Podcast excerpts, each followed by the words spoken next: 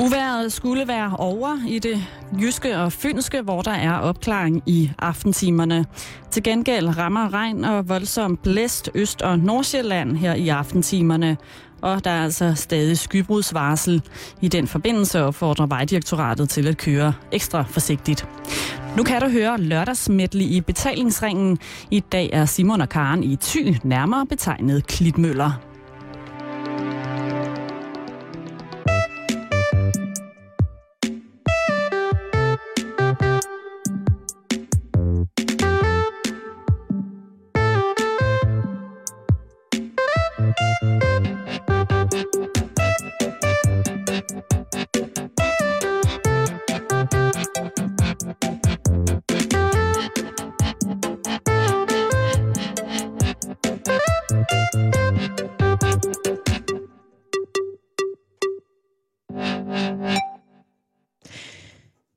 Rigtig hjertelig varmt. Velkommen indenfor i Halløj i betalingsringen. Du lytter til Radio 24 som lige nu sender direkte fra Klitmøller i Nordvestjylland. Og nu har jeg bragt dig hed, øh, cirka 550 km nordvest fra Bornholm til Klitmøller. Ja. Som er i Ty. Mm. Du Ja. kørte mig jo faktisk hele vejen, fordi jeg fik lov at sove, hvilket jeg gerne vil sige tak. Jamen, det var, det var så lidt. Da vi kørte fredag nat fra Bornholm direkte. Øh, og du sov også I næsten igennem, at øh, vi løb tør for diesel. Nå, Øh, nå, der vågnede jeg faktisk. der vågnede du. Det jeg var- vågner jo ved, at, at Fifi, vores autocamper, svejer. Så jeg lige pludselig tror, at jeg stadig er på Bornholmerfærgen. Det var så amatøragtigt. Prøv lige at fortælle, hvad der skete, for jeg tror ikke rigtigt, jeg har fattet det. Jeg kan bare høre sådan nogle... Ja. Og så svejer hele bilen ligesom bare. Jeg tænker, hvad, hvad foregår der? Ja. Øh, Kan det passe, det sagde sådan en lyd? nej. Nå, men jeg synes bare, jeg vågnede Det var, ved, tror jeg, da jeg bare kørte på autoværnet. Okay. med bagklappen, fordi at, at øh, det, der sker, er, at lige præcis på den motorvejstrækning, der er den 60 motorvej blevet delt op sådan, så at der er to, i en, to kørebaner i en retning nordpå. Så er der en kørebane sydpå, og så er der et autoværn, og så er der en anden bane sydpå også. Så det vil sige, at jeg holdt faktisk i inderbanen af motorvejen. Så vi kunne ikke komme ud af bilen, fordi det blæste jo forbi med kæmpe store lastbiler. Lastbilerne kører om natten. Vi skal lige sige, at klokken den er lidt i fem, øh, halv fem om morgenen. Så vi sidder bare der øh, og ryger smøger, og heldigvis øh, kommer John. Må jeg lige spørge om noget? Ja. Det er fordi, jeg har, jeg har ikke rigtig nogen tidsfornemmelse, fordi jeg sådan sover lidt og vågner og sover Mm. og vågner. Mm. Hvor lang tid holder vi der? En time, knap en time. Hold da op. Nå, men Klitmøller er jo det her fantastiske sted, som ligger øh, 10 km sydvest for Hanstholm, øh, Store Havneby, og 17 km nordvest for Tisted, hvis man har været der nogensinde. Og hvorfor hedder det Klitmøller? Det gør det, fordi at i gamle dage, så var det her øh, et område, som var meget, meget, meget vigtigt for skudehandlen. Og skudehandlen, det var øh, til dels øh, udvekslingshandlen mellem Danmark og Norge. Hvis man plumper i vandet her og driver stik nord, så er der 110 km til, den norske, øh, til, til det norske fastland. Og i 1600-tallet, der havde øh, hvad hedder det, danskerne rigtig, rigtig, rigtig meget landbrug her omkring. Og de havde øh, derfor tre vindmøller, eller tre møller. Møller kører på vinden, så det var nærliggende at stille dem tæt på havet, hvor der var en konstant blæst ind fra vest.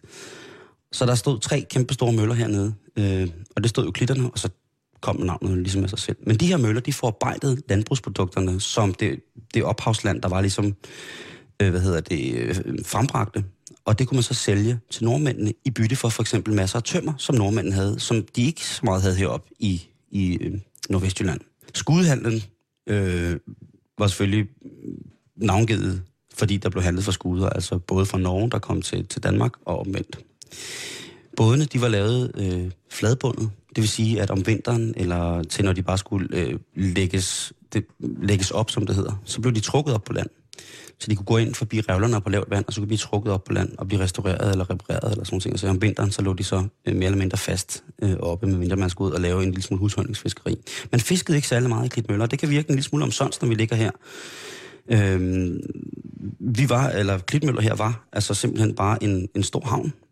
Blandt andet så var der en vej direkte fra Klitmøller til Aalborg, hvilket jo altså tyder nogenlunde på, at øh, det var ret vigtigt, at vi, at vi var afhængige, eller Klitmøller var afhængige af, af den her skudehandel. På et tidspunkt, så er der så nogen inde i byen, som synes, det er lidt mærkeligt, at, øh, at alt, den gode afgrøde, alle landbrugsprodukterne ryger helvede til Norden om, til Norge. Og de synes til dels også, at det er lidt omsonst, at nordmændene skal herned og tjene penge, eller lave byttehandler med de folk, som fremstiller landbrugsprodukter. Så de inde, øh, hvad kan man sige, de får lavet en skat, en, en, en tolv om en bod, om man vil, hvor at man så øh, ikke må lave skudhandel inden for bygrænserne. Og så udvider Aalborg ligesom deres bygrænser i Jørgen, øh, sådan så at, at det bliver i situationstegn ulovligt. Men hvor alting er, danskerne her, vi er afhængige af en masse af det tømmer, som der kommer fra Norge. Og hvis man ikke har nogen penge til at betale for, så kan man jo betale, og så kan man bytte. Så det holder aldrig rigtig op. Men Klitmøller, kæmpe, kæmpe øh, knudepunkt øh, for handel i, øh, på nord, øh, nordvestjyske kyst med Norge i, fra 1600-tallet. Der er den i hvert fald registreret. Nu er det jo sådan i dag, at der er ikke så meget fiskeri tilbage det Møller. De gamle fiskehuse ligger nede ved stranden, hvor vi har været. Øh, Klitmøller er jo stort set kun en vej, Ørhavevej, som kører øh, igennem, igennem byen. Og rundt omkring der ligger der øh, så forskellige huse, der er fastboende. Jeg tror, at sidst der blev talt op, så var der omkring 600, der boede i Klitmøller. Mm. Øh, men der er jo en kæmpestor blomstrende turistindustri. Der er sommerhus. Der er blandt andet de her sommerhus, som, et af de her sommerhus, som vi sidder i. Og det er en fin, fin indtægtskilde for, øh, for, for Klitmøller. Der har været tale om i mange år, at tyskerne ikke skulle købe mere, og så videre, og så videre. Men heroppe, der, jamen, der fungerer tingene sådan set upåklageligt på grund af, af den gode vilje, tror jeg. Mm. Øhm, også, som sagt, i disse krisetider, noget vi kommer til at snakke om lidt, lidt senere i programmet også, så er, er, er folk altså øh, glade for at komme Og så er der jo grunden til, at, at jeg kommer herop af. Øh, eller jeg startede med at komme op. Og det er jo, øh, fordi det her sted, det hedder jo også Cold Hawaii. Og det betyder, at det er et mekka for folk, der windsurfer, der kitesurfer, der paddelsurfer, der subsurfer. I det hele taget vandaktiviteten er kæmpe, kæmpe stor. Og det var også noget af det miljø, som du mødte i lørdags til Surf Joint, jo, altså at folk kommer faktisk fra hele Europa for mm. at teste Cold Hawaii. Der var utrolig mange surfer dudes. Og dudettes. Som man siger. Og, og vi, det er jo fantastisk at surfe op, og det er jo fantastisk at være i naturen. Øh, og så er det også dejligt at tage til Hanstholm en gang imellem og kigge på fiskeriaktionen, som vi også kommer til. Det er sådan set her, hvor vi er lige nu. Mm. Og her, hvorfra vores verden skal gå de næste to uger. Ja. Kan du føle dig tilpas over det? Det kan jeg sagtens. Jeg synes, det er rigtig skønt. Har meget flat. Sådan, når man lige kommer fra bakket Nordbornholm. Så man kan se langt. Det er meget sjovt. Der er højt til himlen. Mm. Simon, da du var øh, nede og købe aviser i dag, mm. så købte du jo også øh, nordjyske. Ja. Og øh, i den er der et øh, tillæg, der hedder Tisted Dagblad. Åh oh, ja. Som jeg har kigget lidt i. Fordi jeg tænker, at det er sådan en meget god... Øh, også en meget god indgangsvinkel til det her sted, vi er nu. Ligesom lige at kigge lidt på, hvad sker der ja. Øh, i øh, lokaljournalistikken. Åh oh, ja. Som du så flot fik nævnt i sidste uge, er journalistikken, der er lokal. Sådan er jeg. Oplyst. Og ved du hvad, altså det slår mig, at i den her øh, lille avis på omkring 25 sider, er der bare rigtig mange gode historier. Ment på den måde, at øh, de er vinklet på positive nyheder. Ja, fordi vi er jo i en tid, som rent pressemæssigt hedder agurketiden, eller på tysk, Sauergurkenzeit. Og det betyder jo, at man måske giver mere spalteplads til nogle historier, som normalvis ikke ville have været så langt fremme i avisen, hvis man bruger sådan et udtryk. Ja. Og mange af de ting, som der er let at hive fat i, det er selvfølgelig alle de dårligdomme, der sker. Fordi der sker jo forfærdelige ting i hele verden, og man vil det eller ej, så sker det hele tiden. Og de har jo en tendens til at blive bragt frem hele tiden. Ja. I sommerperioden. Mange, mange, mange konflikter og... Ja, men der er jo der er, det, det, det, det er dårligdom, og det er syghed, og det er psykopatisme, og det er... Dårlige renter. Alt er, er galt, ikke? Jo. Og det er selvfølgelig også forfærdeligt. Og det er selvfølgelig også noget, vi skal oplyses om. Mm.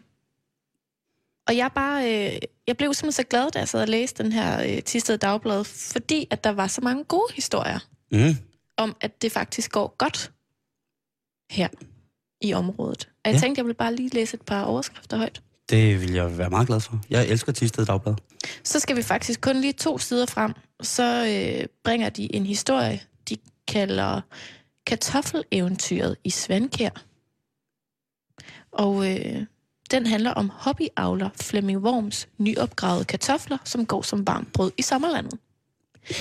Det er altså en øh, iværksætter, vi har med at gøre her, som øh, fra i alt syv boder sælger mellem 100 og 200 kilo kartofler om dagen. Det er 12 og skat glad for. Øhm, han har dog lidt problemer. Der er lidt en, øh, hvad skal man sige, et, øh, en bagside af medaljen. Nå, ja. Og det hedder altså, at øh, der er et svind på omkring 15 procent ved, at folk ikke betaler ved de her boder. Og der synes jeg bare lige, at uden at lyde formanende, men det er simpelthen så dårlig stil, ikke at betale ved de der boder ude ved vejen. Og, men det er fandme også naivt. Men at gøre sig selv til tyv for en pose kartofler, Jamen, Karen, sådan er der nogle mennesker, der har det. Er det, er det dig? der systematisk går rundt til Flemming Worms syv boder rundt omkring i Thy. Jeg vil med glæde lægge ekstra, uden at tage bytpenge tilbage, Mm. hvis jeg købte Flemming Worms kartofler. Men jeg tror, de fleste, der ligesom bevæger sig ind på, hvad skal man sige, den her branche, de ved ligesom godt, at der er nogen, der ikke kan lade være. Ja. Det er simpelthen for fristende, Mm. men det er stadig dårlig stil.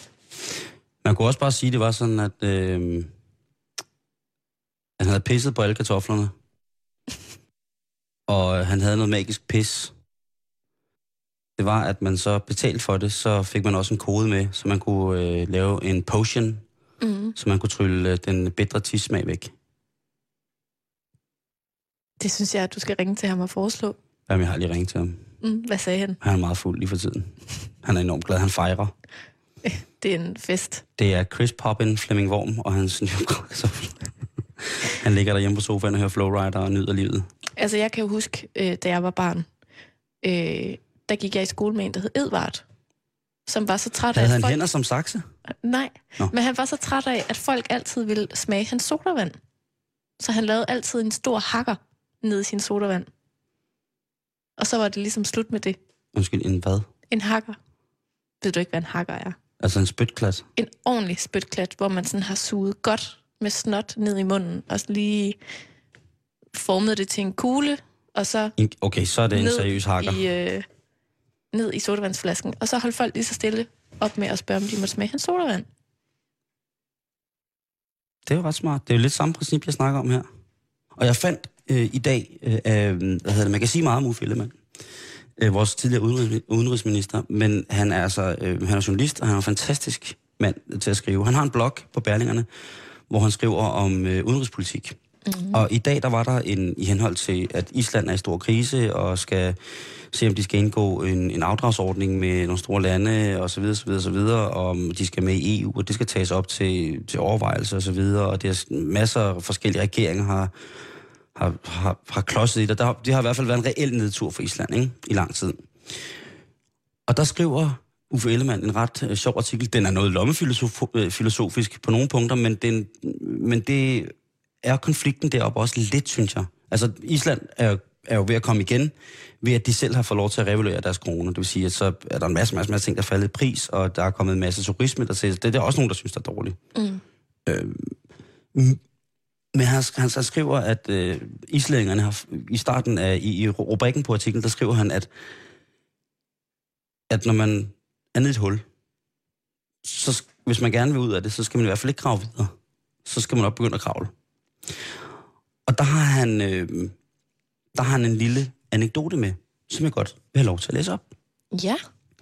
Det er også i hændelse til det der, at tingene er ikke altid, hvad de andre siger. Man skal i hvert fald også selv tro på den, ikke? Og omkring det her islandske, så er der en øh, erindring, som er skrevet af en amerikansk forfatter i omkring øh, forbudstiden i 30'erne i USA. Og den starter sådan her. Eller den er som følger. I en amerikansk by var der en pølsemand, som højlydt lod vide, at han solgte byens bedste pølser. Forretningen blomstrede, så han fik råd til at sende sønnen på handelshøjskole. Herfra vendte sønnen hjem og sagde, Hvordan kan du dog være så optimistisk, far? Har du ikke hørt, at landet stander i våde, og at vi er midt i en stor krise? Faderen havde haft så travlt med at passe sin pølsebod, at han ikke havde tid til at læse aviser eller høre radio. Det gjorde han så, og hørte om krisen. Så tabte han modet, holdt op med at råbe op om sine gode pølser. Kunderne blev væk, og snart måtte han dreje nøglen om. Og så sagde han, min kloge søn har sandelig ret. Vi er midt i en krise. Det er en lidt fin historie. Mm. Men det er også noget med, at, at der sidder, jeg tror altså, der er nogen, som, som beskylder sig selv for at have det hårdere. Eller for at være... Altså, nu taler jeg rent ud af posen, Karen. Kom med det, Simon Juhl. Luddogne. Nå, ja. Lud, luddogne, siger jeg simpelthen. Mm. Jeg synes, det at så, så dårligt har vi det altså heller ikke. Nej. På nogen måde. Men som den her historie jo også beretter, så har medierne igen måske et ret stort ansvar, ikke? Altså, det har jo også været diskuteret meget, øh, hele det her begreb udkants Danmark, altså hvor at alt bare er blevet malet helt sort og gråt og trist. Mm. Og hvis det er, jamen hvis det er det, du får at vide, du er en del af, næsten hver dag i, i medierne, så er det da også deprimerende, ikke? Jo. Men omvendt er, altså, er det jo så måske også ens medansvar, øh, og måske at lave det om. Jeg ved det ikke. Jeg synes, det er svært at, at afgøre på en eller anden måde, når jeg ikke Jeg selv lige stå bor... op her. Okay. Oh, jeg fik lige krampe i benet. Når jeg ikke længere selv bor i udkants Danmark, Ja, eller vandkants Danmark, så synes jeg, det er svært at, at gøre mig klog på på den måde, men, Jamen, du har evig ret, og vi, skal, og, vi, og vi skal da være de sidste til at pege fingre. Men men det er en interessant diskussion, det der med, jamen, hvordan har folk det selv herude? Klitmøller er jo et rigtig godt eksempel, her hvor vi er. Mm. Når man siger Klitmøller til folk, så siger de jo, hvor er det? Tit og ofte. Medmindre de selvfølgelig har en relation.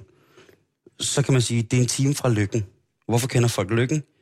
Fordi det har været et kæmpestort øh, turistfestmål i rigtig, rigtig lang tid. Mm. Før der i medierne blev, blev, blev, blev bragt nogle, nogle mindre flatterende titler og facts omkring, hvordan byen hang sammen.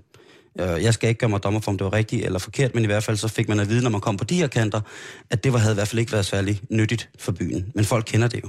Mm. Så kender folk Skagen, Ja.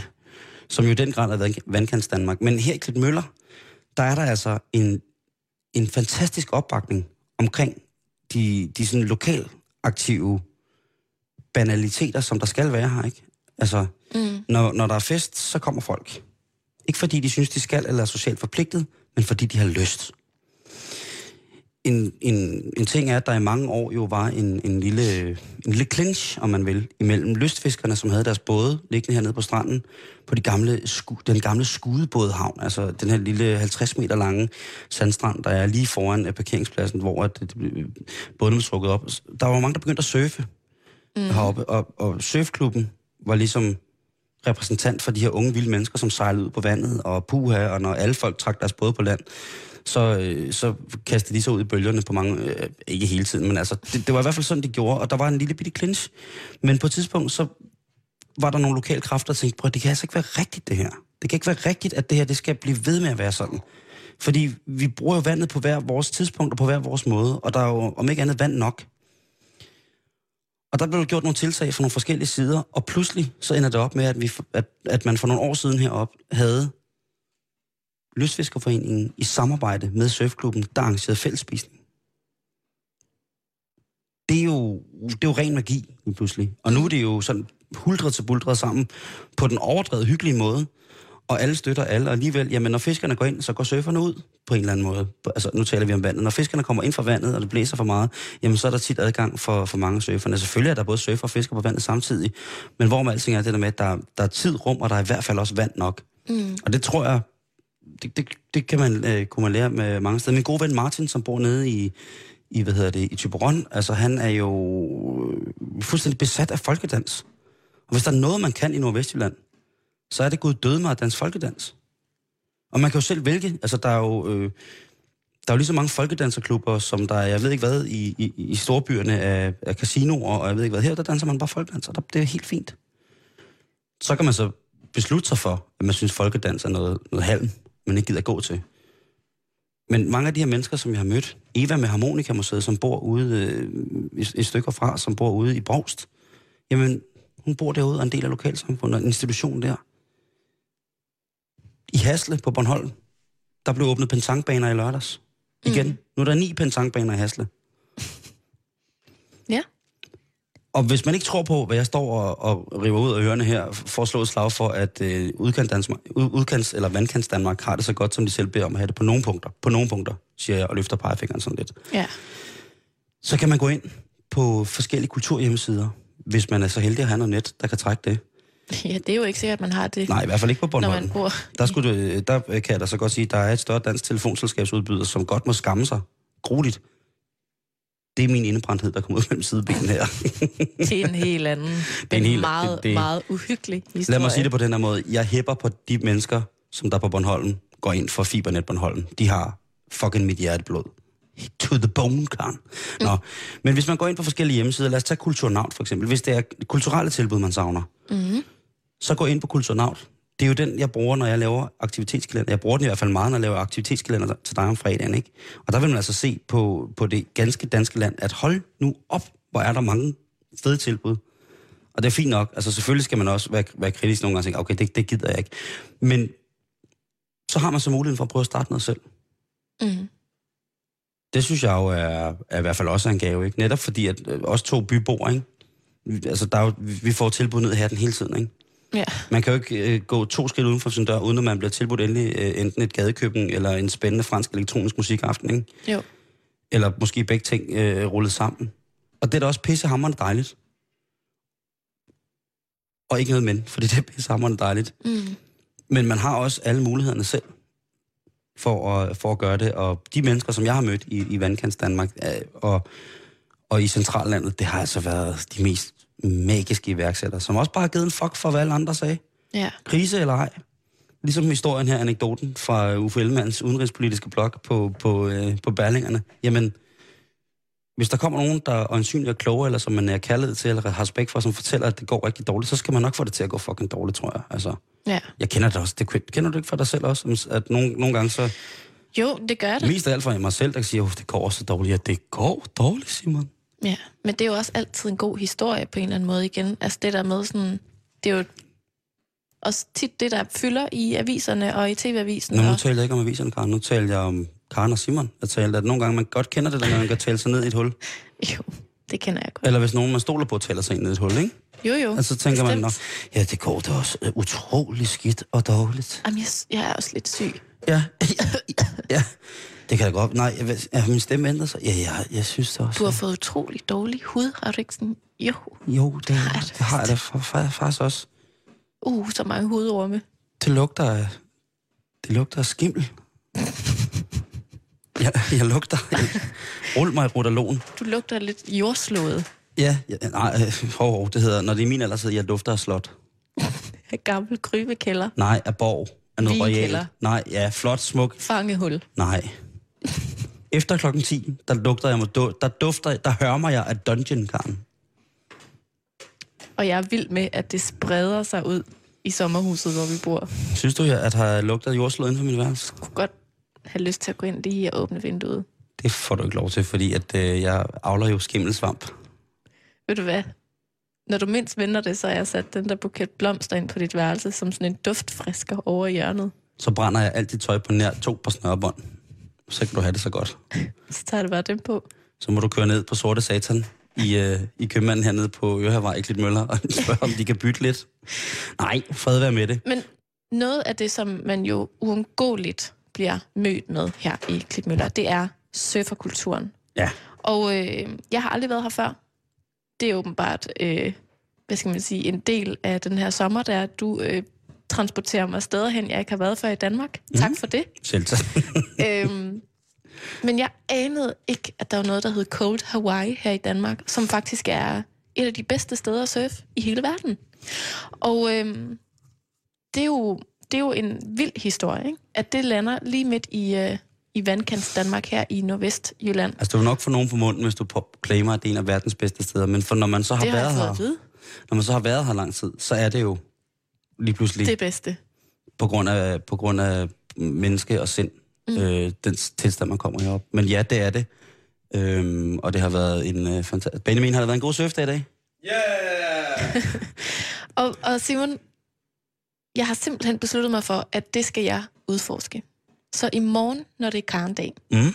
der starter jeg dagen klokken 8 i morgen tidlig med et surferkursus. Nede hos mor var hende? Ja. Fantastisk, Karen.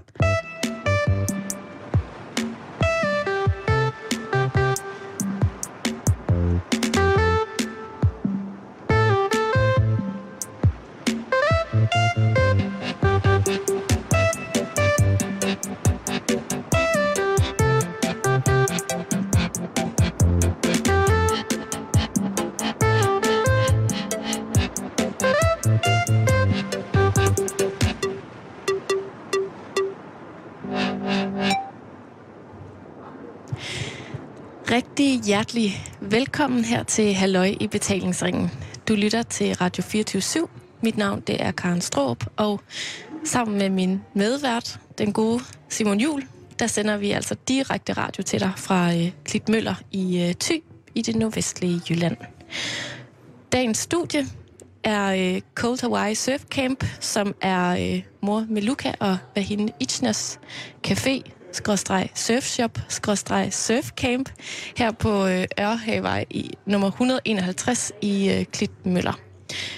Øh, mor og hvad hende, som har øh, det her sted, øh, de er henholdsvis fra Israel og fra Tahiti. Og så er de begge to øh, fuldblods surfer, kan man vist godt kalde det. Og vokset op med surfing og vand og ja. Og vi skal nemlig snakke rigtig, rigtig meget om surfing i ja. Karndag i dag. Ja. Og øh, lige om lidt, øh, der får vi også fornøjelsen af hende, som er den ene ejer af det her sted, her øh, i vores studie i dag. Øh, men inden da, Simon, ja. så tænkte jeg bare lige på at spørge dig, øh, om du har prøvet sådan noget at padle surfe. Ja, det har jeg. Mm? Det er jeg meget, meget dårligt til. Det er lidt ligesom, sådan, at jeg er en mumitrol med bly i hovedet. Så øh, når man sidder og venter på sine bølger, som man jo gør, så skal man gerne sidde på sit bræt, øh, inden man sådan, ligesom padler ind på dem. Og øh, bare den helt stillesiddende aktion at sidde på brættet og vente, inden man kan lægge sig på maven og vende om og padle ind, det kan jeg simpelthen ikke finde ud af. Øh, jeg vender simpelthen, øh, så at sige, jeg skulle til at sige vrangen ud af mig selv, men jeg vender altså bunden i vejret på mig selv, øh, ubetinget, lynhurtigt. Og jeg har jo prøvet herop i rigtig, rigtig mange år, og jeg har jo rigtig mange søde venner, som øh, ynder at gøre det. Mm. Men øh, min krop er simpelthen for mærkelig til, at jeg kan, kan, hvad hedder det, kan gøre det. Men jeg synes, det var, jeg synes jo, det, det er dejligt at se på, og, og det, det skal der også være plads til. Men mig og det padelsurfing, det bliver nok aldrig rigtigt til det helt store, kan jeg lige så godt afsløre nu. Men du dyrker noget andet, en anden form for surfing, ikke? Jeg er kitesurfer. Ja. Men der har man ligesom også øh, sådan cirka mellem 25 og 30 meter øh, balancestang ude i luften, så man kan ligesom dreje rundt, og den kan man blive øh, den kan man støtte sig til, og man kan blive løftet af den, og man kan blive trukket hen til sit bræt, og man kan, når det forsvinder, og, der, og man kan komme i land uden bræt, og det er meget, meget øh, mere behageligt på nogle punkter. og, det er, og det er jeg jo rigtig, rigtig glad for, men så synes jeg jo også, at jeg skulle prøve ligesom for og det her surfkultur, og prøve at komme ind i, i padelsurfningen, som jo mm. på mange punkter er den, den originale. Og det er bare gået af lort hver gang. Øhm, så jeg har... Øh, hvis, hvis man skal opgive ting, så har jeg opgivet det på den smukke måde, at jeg glædes over de, alle de andre mennesker, som er pisse dygtige til det, og som får noget fantastisk ud af det. Men, mm. Men heldigvis er vandet jo for alle, og til alle sportsgrene på mange punkter. Så det, det er også det, som jeg har meget med som surfer, det er, at, øh, at øh, når man er på stranden, så skal man huske, at man skal respektere det, man er i. Altså det er vandet, fordi hvis du ikke respekterer det, så bliver du spist af det. Mm. Og så skal du også altid være klar til at hjælpe de andre, der er på stranden. Det er hovedregel nummer et. Der er ikke nogen, der er bedre end andre. Der er i hvert fald aldrig nogen, der bliver bedre end vandet. Så hvis man har den med, så er det ligegyldigt, om du padelsurfer, om du bruger sail wake style, twin tips, øh, longboards, øh, sopper, eller hvad du gør. Så længe vi passer på hinanden, så skal vandet nok også passe på os. Det kan det godt mærke. Det er sådan en energi, som der er heroppe i Klitmøller. Det er en urenergi. Og hvis man ikke kan mærke den, så, så øh, skal man snakke med nogen om det, fordi den er fuldstændig ulastelig heroppe. Mm. Men det fornemmer man meget heroppe, synes jeg. Altså, mm. den stemning er jo virkelig til stede. Ikke mindst i den her meget, meget hyggelige café, som øh, ja, det vi sender fra. Og apropos hyggelig café. så vil jeg rigtig gerne øh, nu byde velkommen til øh, dagens gæst i dag. Rigtig hjertelig velkommen til dig, Vahine øh, Ishter. Tak. Øh, du faktisk, du sidder halvt i våddragt. Du er lige kommet tilbage fra en lille romantic surf med din mand, øh, Mor, som jo underviste mig i morges. Ja. Hvordan, øh, hvordan gik det? Jamen, det var rigtig hyggeligt. Det er så fedt, at øh, midt på højsæsonen, at vi bare lige kan smutte, fordi at vores, øh, eller mine svigerforældre er på besøg. Så, øh, og så har vi så en sød kollega her, som, øh, som gad at tage over caféen. Så øh, vi smutter lige øh, ja, en times tid, før jeg kom her, herop og, få, ja, og blev interviewet. Og så blev jeg blevet nødt til at grine, fordi nu har jeg tid stille, og I har grinet hele tiden. Så øhm, jamen, det, det må jeg så undskylde. Det var, fordi jeg stod der og tige stille. Det er også Men, svært. Øh, ja, det er svært. Men øh, nej, altså, det er jo super dejligt vejr. Altså, det er, det er så sommeragtigt, og bare nede på stranden, der dufter af solcreme, og, og der er rester af brandmænd og vandmænd og, og krabbekløer. Så det, det er så dejligt. Og, og ja, så, som jeg kan se herudefra, der er nogen, der er ved at, at bygge øh, og reparere hegn og ja, mursten og folk i ja, halvnøgne mennesker. Ja, det er virkelig sommer her. Ja, det er så dejligt. Altså, der, der er ikke et bedre sted i, i verden end Danmark om sommeren. Det er, det er noget helt andet. Altså, det er, det er fantastisk. Altså, mm. Så øh, selvfølgelig, ja, hvor jeg så kommer fra, Tahiti. Selvfølgelig er der dejligt varme, 30 grader, 40 grader nogle gange. Ligesom øh, til, øh, Israel, hvor mor han kommer fra. Men øh, altså, det ved jeg ikke. Det er bare ja, ren, ren luft og øh, ja, hyggelig. Øh, have og græs og duften og havet og jamen, der er bare ikke bedre mm. end, end her, Klitmøller. Som du selv siger, altså, du er fra Tahiti, din mand er fra Israel, og sammen med jeres to døtre på 4 år og 10 måneder, bor I altså her af alle steder i Klitmøller i Danmark. Det er en historie, jeg rigtig gerne vil høre, men vi vender lige tilbage til den, fordi først, altså både du og, øh, og mor har surfet i rigtig mange år, men faktisk Ja. var jeg jo, som vi har snakket om tidligere, selv ude og prøve at surfe det var første gang i dag. Øhm, for aller, aller, aller, aller, aller første gang nogensinde. Og jeg var jo som sagt så heldig øh, at få en undervisning af, af din mand. Og jeg synes egentlig måske bare, at vi skal høre, hvordan det gik.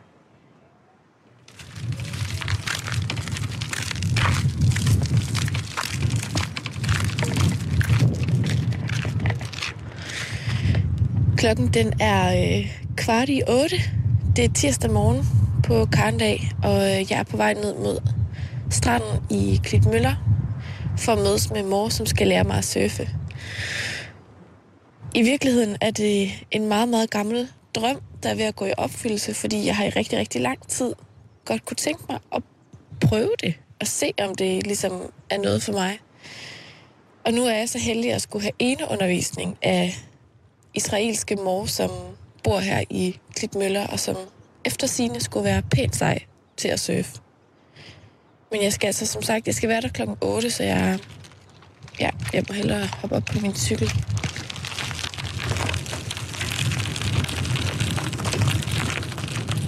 First, we choose the wetsuit, shoes. Uh, then you can get ready. Once you are ready, we choose the surfboard. And we go surf. I will go jump in my wetsuit with you while you are entering the wetsuit. Yes. Vi går lige om bag ved øh, Mors surferbutik, hvor vi skal finde et wetsuit. Altså en våddragt. Is it supposed to be very, very tight or just tight? It's supposed to be as tight as possible. Okay. Not too tight, but uh, tight enough so water will not come in the wetsuit. Okay. If you get water in the wetsuit, it's a bit too big. It's a little bit, you know, cold. Så har vi fundet en våddragt, og så skal vi så også have sko til. Mm.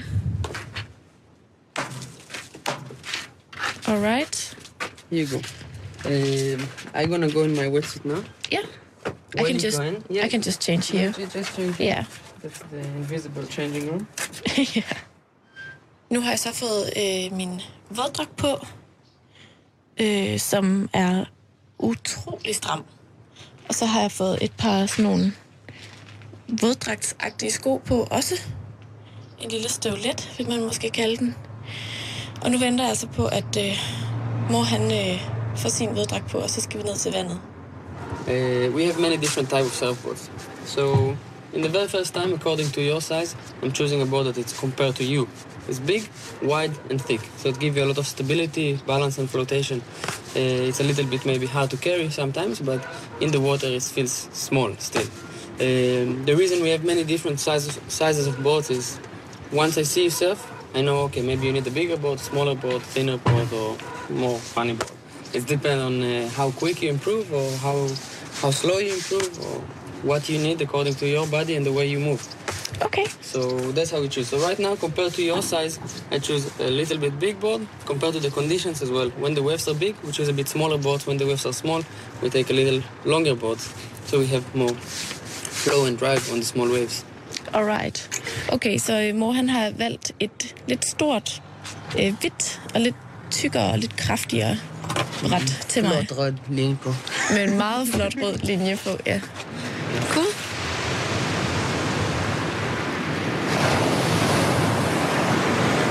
Nu er øh, mor og jeg kommet ned på, øh, på stranden. Og ifølge min øh, surfunderviser kunne bølgerne ikke være mere perfekte, end de er i dag. Og øh, af gode grunde kan jeg jo ikke tage mit optageudstyr med ud på, øh, på bølgerne.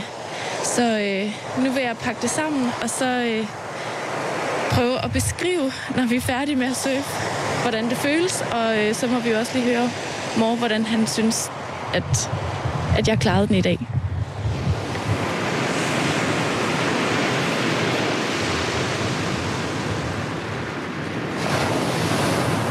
Nu er klokken øh, lidt i 10, og øh, jeg er lige kommet op af vandet efter at have plasket rundt på et surfboard i halvanden time eller sådan noget, sammen med mor.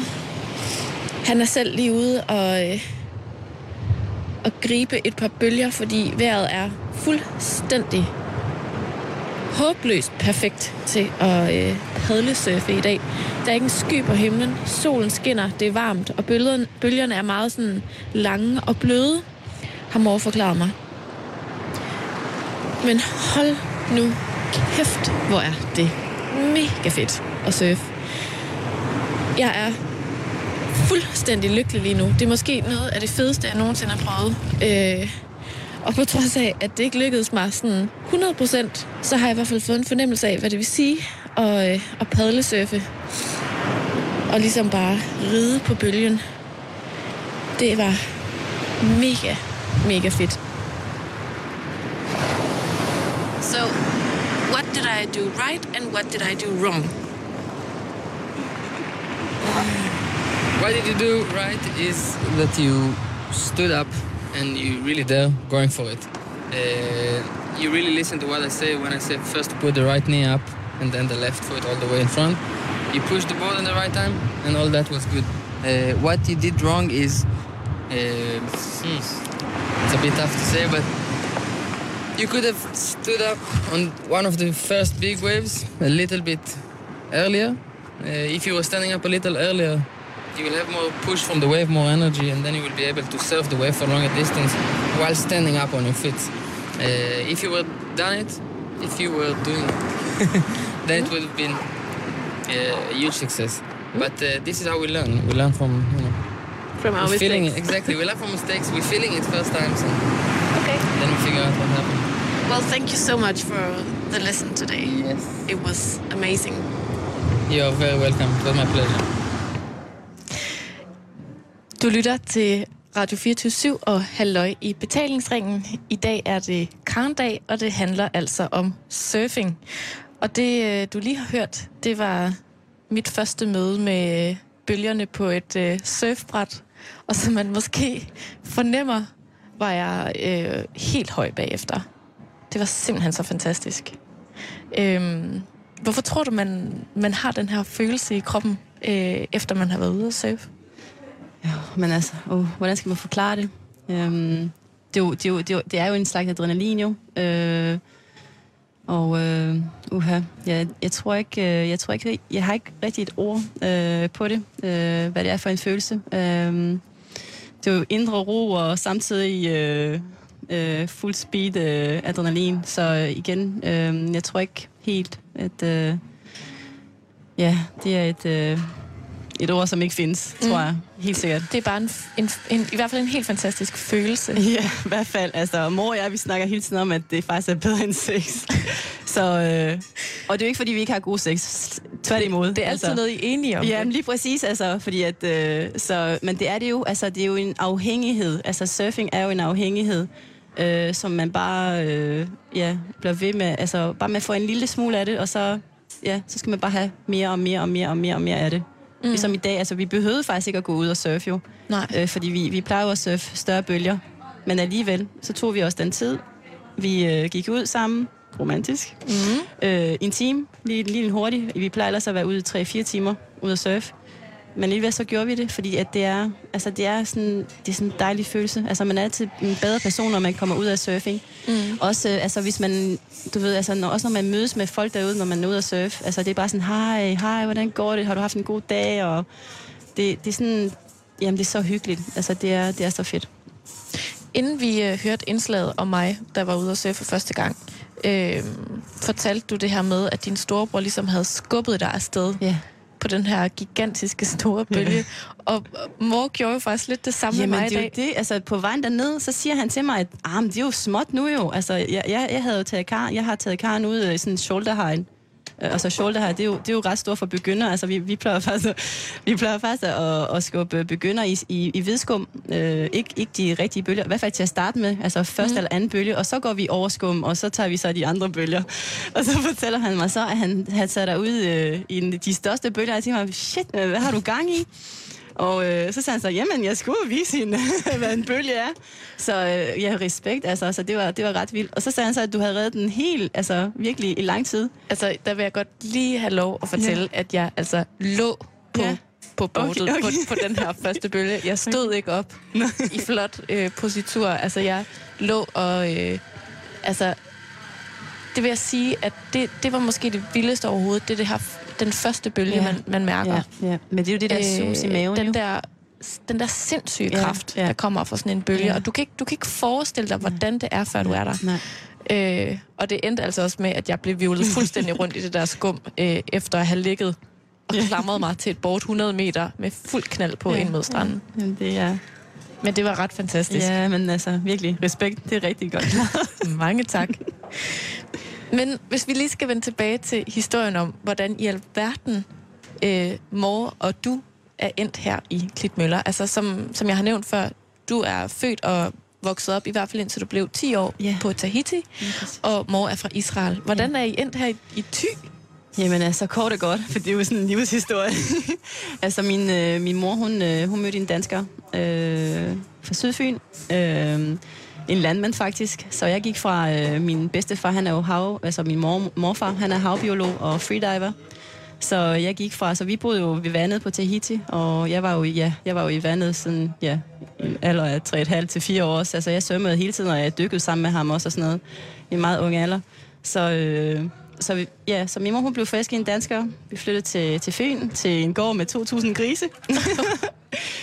og øh, jamen, og så, øh, så, studerede, så studerede jeg på Svømborg Handelsskolen. Og så øh, jamen, frem og tilbage i England, øh, hvor jeg arbejdede med kaffe, Tyskland, kaffe, øh, København, øh, hos ja, chokolade, Peter Beyer, og, og så frem og tilbage, og så Roxy i tre år, hvor jeg så tog til, Frankrig der.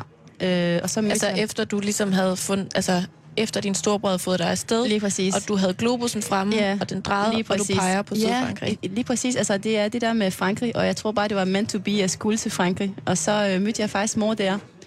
Øh, ja, på, for første gang. Øh, faktisk til sådan en øh, surf-movie night. Øh, jeg mødte ham faktisk to gange, hvor han ikke rigtig lagde mærke til mig. Og så øh, tredje gang, så var vi så til en fest, hvor det åbenbart skulle have været sådan en girly party. Men øh, det blev så ikke til. Fordi så var han der, og så sagde han så, ved du hvad, det, var, det er altså tredje gang, vi møder nu, møder nu, mødes nu.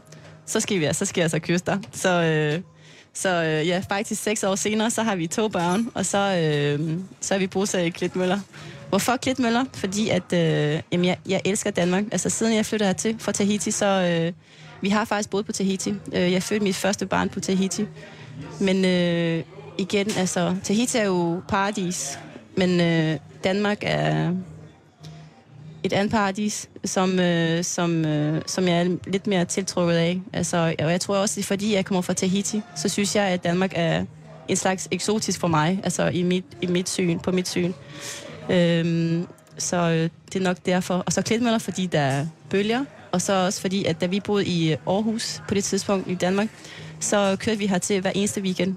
Og øh, det kostede mange penge, og, øh, mm. og simpelthen også fordi, at øh, jeg ved ikke, altså når du sætter dine fødder her i Klitmøller, så, så kan du nok mærke det, at øh, igen, nu kommer jeg fra et spirituelt sted, Tahiti, og det tror jeg også, der er lidt af her i, øh, i Klitmøller.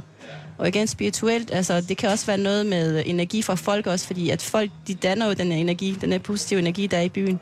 Så det er simpelthen... Øh, det kan være, de, de, de der, øh, det er, øh, hvad hedder, fiskerne, som øh, lige kommer tilbage og lige giver sådan lidt pift på, øh, på nutiden. Og, mm. og håber fremtiden, hvor vi så øh, bliver blandet med fiskekutter og fisker og surfer og, og danner nye familier. Mm. Så, øh, og surf, selvfølgelig. Så. Kan du prøve at sætte sådan en følelse på, hvad det er for et liv, du og mor har ligesom mulighed for at skabe jer her i Klitmøller? Jeg tror altså, jeg tror, altså det, igen, det er jo ikke fordi, at øh, jeg skal... Men jeg tror faktisk, vi lever et perfekt liv, hvis man kan det, på jorden. Altså, det er... Vi vågner, og ja, vi vågner op om dagen, altså om morgenen med vores to døtre, og så øh, bliver de sendt til dagplejen og børnehaven, og går vi i vores café og får en perfekte latte, macchiato, eller latte, eller express, eller whatever. Og så når der så er bølger, når vi kan mærke bø- altså, duft, saltvand og, og bølgerne, så går vi ud og surfer. Så øh, igen, jeg, ja, vi lever livet jo. Mm. Og mhm. igen, øh, det er bølgerne, der gør os øh, til et bedre menneske. Altså, det, det vil jeg sige. På det tidspunkt, hvor du og mor I møder hinanden, ja. øhm, prøv at forklare, hvordan du rent faktisk lever der i, øh, i Sydfrankrig. Jamen, jeg, øh, jeg boede i sådan en... Øh, jeg boede i sådan en øh, hut, øh, sådan en, øh, en hytte, øh, meget, meget roots, øh, hvor der ikke var noget toilet, øh, noget bad, øh, noget køkken. Så øh, jeg brug, brugte faktisk det offentlige toilet, som faktisk var et hul i, i jorden. Øh, og bruseren, den var jo kold, den var bare på stranden der, som øh, turisterne de brugte. Øh, og min, øh, min hytte, den, øh, den skulle jeg, øh, hvad hedder det, øh, den skulle jeg, øh, hvad hedder det nu på dansk, øh, klistre til med sådan noget, øh, øh hvad hedder det, Jamen er det sådan noget, du tænker på, hvordan man ligesom kan... Kamuflere det, mm. fordi det trækkede, det, der var så meget træk i, i hytten, mm. så, øh, så jeg blev nødt til at kamuflere det med øh, bobbelpapir, øh, simpelthen. Mm. Og min, øh, min seng blev jeg nødt til at, sådan en køjseng blev jeg nødt til at bygge med, med, træ, øh, med træ, fordi at der var så mange dyr i, øh, fordi gulv, jeg havde ikke noget gulv det var, det var rent sand. Så sådan levede jeg i fire måneder. Øh, og mad og sådan noget, det, jamen, inden så købte jeg selvfølgelig en kaskrut, en øh, sandwich. Eller så, øh, ja, jeg levede bare, altså, det ved jeg ikke, af tør mad, faktisk. Så, men det var der fandt jeg også den der, det der indre mig, hvor, øh, hvor jeg vågnede op kl- ja, jeg stod op klokken 5 om morgenen, åbnede min hytte, og så tog jeg mit bræt helt alene. Der var ingen mennesker, øh, heller ikke i havet, og jeg, ja, altså i, i vandet. Og jeg tænkte faktisk ikke på, om der var hajer, eller hvad der var. Altså, jeg, jeg, jeg, skulle bare, øh, jeg skulle bare ud og surfe helt alene. Og det gjorde jeg så også om aftenen, når jeg, når jeg var færdig med at udleje boards til, til mine kunder. Øh, igen, indtil solen gik ned. Øh, og så, mm. sagde, så sad jeg øh, ja, og spiste et eller andet ved, foran min hytte og så solnedgang. Hvor lang tid lever du sådan her? I fire måneder. Fire til fem måneder. Så ja, det var, det var fantastisk. Og du tænkte slet ikke på det her med, som du selv siger, med hajer, eller at du kom til skade, eller nej, altså, hvis du var... druknede, var der ikke nej, nogen, der ville kunne finde ikke, dig? Nej, eller? der var ikke, altså det var bare mig, altså om, om aftenen var det meget stjernerne, og om dagen var det, altså om morgenen var det også meget stjerner, for der var stadig stjerner på himlen. Så nej, altså der var jo ikke nogen i øh, omkredsen. Altså der var ikke noget signal til mobiltelefoner. Nogle gange om, om natten, der var der jo heavy parties, altså på stranden, hvor folk de bankede lys på min, hy, øh, på min hytte, og Nej, det, var, det tænker jeg ikke på. Altså igen, jeg tror, at man, øh, man forsvinder helt, når man er i den der surfverden, og får bølger hver dag, og sol, og selvfølgelig, altså jeg surfer også om vinteren, men det er den der, ja, afhængighed, du har i, i bølger mm. at surfe. Det er det, jeg har fundet i mit liv. Og heldigvis så har jeg min bedre halvdel, som også øh, gør det. Og vores lille datter på fire år, hun har også startet med at surfe. Så øh, det er jo kun heldigt. Mm. Så. Kan du sådan prøve at beskrive, hvad var den største forskel på dig før de her fire måneder i Sydfrankrig og efter?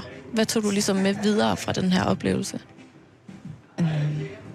og ro og, øh, og, være, og være god ved sine medmennesker også. Altså, det er, altså, altså, i hvert fald med mig selv, altså, fordi du ved, man lever i sådan en verden, hvor, hvor man... Øh, hvor, hvor man er afhængig af hinanden, og man øh, måske også tænker det samme som andre mennesker. Øh, og øh, jamen bare, bare være sig selv. Altså, det, er, det er så vigtigt at huske at, at være, være sig selv, og sige sin mening også, øh, frem for at øh, hele tiden at, at følge med, med, med strømmen. Så øh, jamen, indre ro, tror jeg. Altså, det, det er i hvert fald det, og det, det vil jeg i hvert fald gerne sige til mange mennesker her i, i, i verden, eller i, i Danmark, at øh, hvis nu, at de lige er på kanten, af ikke, og, ja, ikke ved, hvad de vil med deres liv, det er i hvert fald det der med at tage et sted, altså selvfølgelig ikke pakke dine ting, men i hvert fald bare, bare lige et par uger, eller et par, par, par måneder, bare være dig selv, og så er du helt ny. Altså, mm.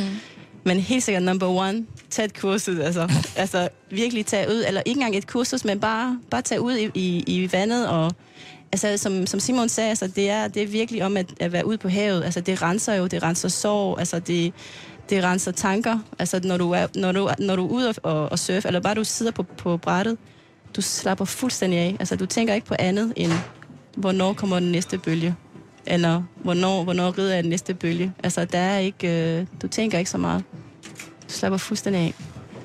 Det oplevede jeg i hvert fald også selv. Ja. Det her med, at øh, man efterlod, man parkerede Ja, alt, hvad der hed bekymringer, ja. Ja. tanker om alt muligt. Selv øh, min krabbefobi blev pænt sat ind på stranden.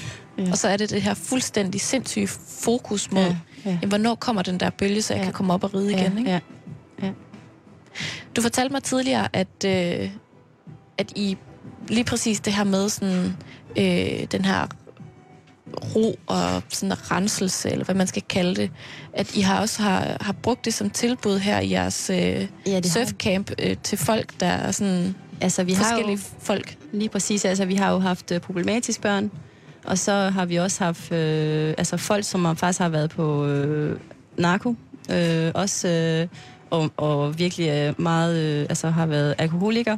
Øh, og øh, så har vi også haft nogle øh, kraftramte børn. Selvfølgelig er der også en, en stage, hvor, øh, hvor de ikke kan komme ud og surfe, men hvor vi, altså, hvor vi har haft et par stykker, hvor de øh, faktisk er på samme board med, med mor, øh, fordi de ikke har så mange kræfter. Og det er faktisk det bedste, man kan opleve, det er, at, øh, ja, at et barn kan have det så, altså, altså det er også børn og voksne mennesker, at de kan have den her, som du nok også fik i dag, at det, det kildrer i, i maven af, af glæde og ja, så bare liv. Altså det er jo, det er jo et liv, at, ja, at du mærker, altså I'm alive, øh, når, man, når, man lige, øh, når man lige surfer. Mm. Så det har vi også haft. Og selvfølgelig også, øh, vi har også haft overvægtige mennesker, som også er begyndt at surfe, og hvor de faktisk er blevet hooked på at surfe, og de faktisk har tabt sig rigtig, rigtig hurtigt. Så man kan sige, altså det er jo psykologi, og det er jo fitness, og det er jo er lige med glade. Så, øh, så det er i hvert fald det, vi, vi, kan, vi kan sige om surfing. Mm. Der er cirka 5 minutter tilbage i vores program i dag, af Karen-dag i dag. Og jeg tænker lidt, at nu startede jeg jo ligesom ud med at sige, at, at jeg vil se, hvor, hvor meget jeg kunne nå at lære på de her 14 dage. Ja. Og der knytter sig jo også sådan en hel jargon og en, altså en kultur til, den her, til det her med at surfe. Ja. Øhm, jeg tænkte bare lige på, om du her i slutningen af programmet kunne hjælpe mig med ligesom, hvad, er der nogle udtryk? Er der noget slang? Er der, skal, jeg have, skal jeg have en ny øh, bikini? Altså, hvad, hvad, hvad for noget gear skal man have for ligesom at, at kunne øh, være en sej surfer-chick ja. Ja. her på stranden i Klitmøller?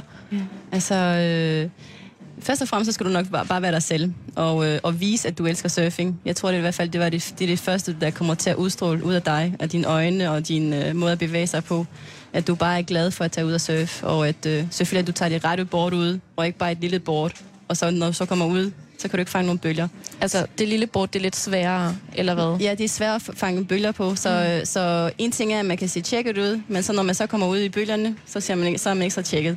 Så det bedste i hvert fald er at vælge det rette bræt, Mm. og så, øh, og så tage ud, og så sidde, og så i hvert fald fange bølger. Så er det i hvert fald.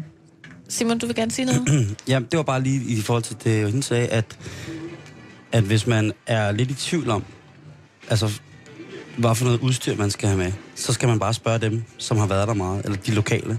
Mm. Og hvis de ikke gider forklare dig, hvad det er, du skal gøre, for at du får det optimale surf, så de ikke surfer. Mm, præcis. Vi kan kun anbefale det. Også lykken. Også, øh, vi kan anbefale type på mange måder. Lad os bare sige det på Bestemt. den måde. Karen, i morgen, ja. der kommer der et portræt af, øh, øh hvad hedder det, hiphop-bandet Suspekt, ja. og deres første møde med Vesterhavet og blandt andet Splittergabet. Og øh, det må være det. Så vi høres ved i morgen.